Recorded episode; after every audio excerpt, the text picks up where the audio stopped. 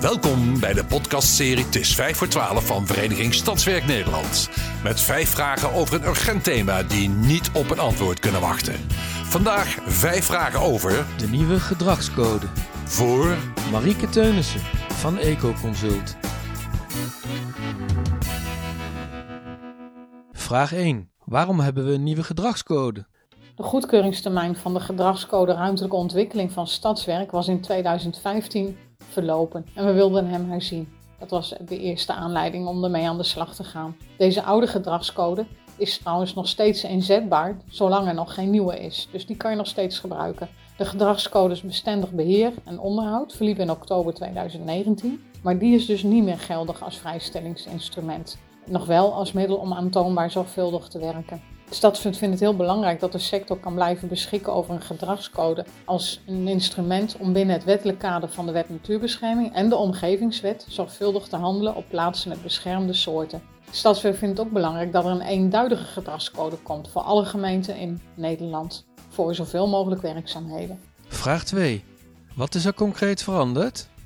Een belangrijk nieuw onderdeel in de gedragscode zijn de twee maatregelencatalogie met bijna 250 maatregelen. De maatregelen zijn ingedeeld in vijf categorieën, van gebouwen, houtige en kruidige begroeiingen, water tot verhardingen en oevers. Per categorie zijn de relevante soortgroepen opgenomen en we hebben daarbij dan vier maatregelentypen onderscheiden. De meest zorgvuldige werkwijze is natuurlijk het voorkomen dat je negatieve effecten aanbrengt en dat doe je dan door markeren en beschermingszones aan te brengen. Dan hebben we twee uh, maatregelen die daartussenin zitten. Dat je dan ja, zorgt dat de essentiële onderdelen van het leefgebied niet worden aangetast of verstoord.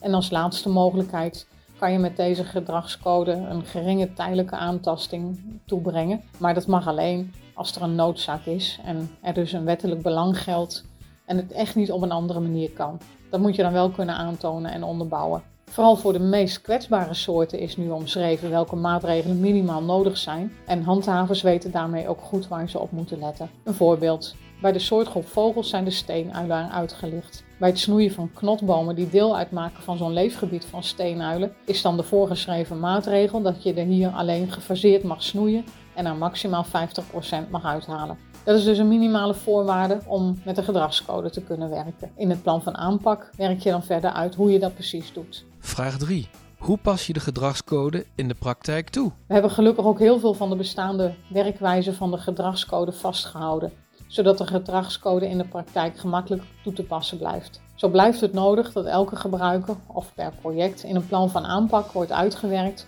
hoe met de aangetroffen soorten wordt omgegaan. We hebben drie checklists gemaakt en daarmee word je meegenomen over wat er in het plan van aanpak moet worden uitgewerkt. Onder meer komt, staat daarin op welke wijze soortinformatie wordt verkregen, wanneer een ecologische deskundige nodig is en welke maatregelen worden ingezet om de aanwezige soorten te behouden. Daarmee maak je dus eigenlijk de gedragscode ook op maat voor je eigen organisatie. Vraag 4.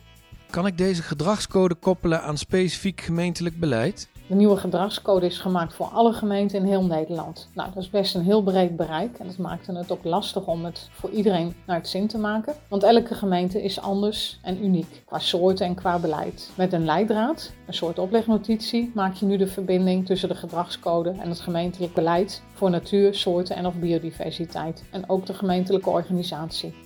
Dus daarmee wordt hij op maat gemaakt, maar blijft er toch een eenduidigheid in het land. Belangrijk is om de inzet van de gedragscode, inclusief de leidraad, als beleid te laten vaststellen. Bijvoorbeeld als uitwerking van de omgevingsvisie of een omgevingsplan. En in de leidraad is het natuurlijk ook mogelijk om naast wettelijk beschermde soorten ook lokale soorten op te nemen en daar extra aandacht aan te geven. Vraag 5. Wanneer is de gedragscode beschikbaar? De gedragscode ligt nu bij het ministerie voor goedkeuring. We hopen dat de minister nog voor de zomer zijn handtekening eronder kan zetten. Na de zomer volgen er dan voorlichtingsbijeenkomsten. Volg je voor de informatie op de website van Stadswerk. En ook verschijnt er dan een gebruikershandleiding waar de inpassing van de gedragscode in de gemeentelijke werkprocessen en die van aannemingsbedrijven verder is uitgewerkt. Wij zijn er heel trots op dat we weer een prachtige nieuwe gedragscode hebben. We hopen dat jullie er ook veel plezier aan beleven. U luisterde naar Het is 5 voor 12, een podcastserie van Vereniging Stadswerk Nederland. Heeft u zelf een urgent thema met vragen die niet op een antwoord kunnen wachten? Mail het dan naar info.stadswerk.nl onder vermelding van podcast. Dank voor het luisteren.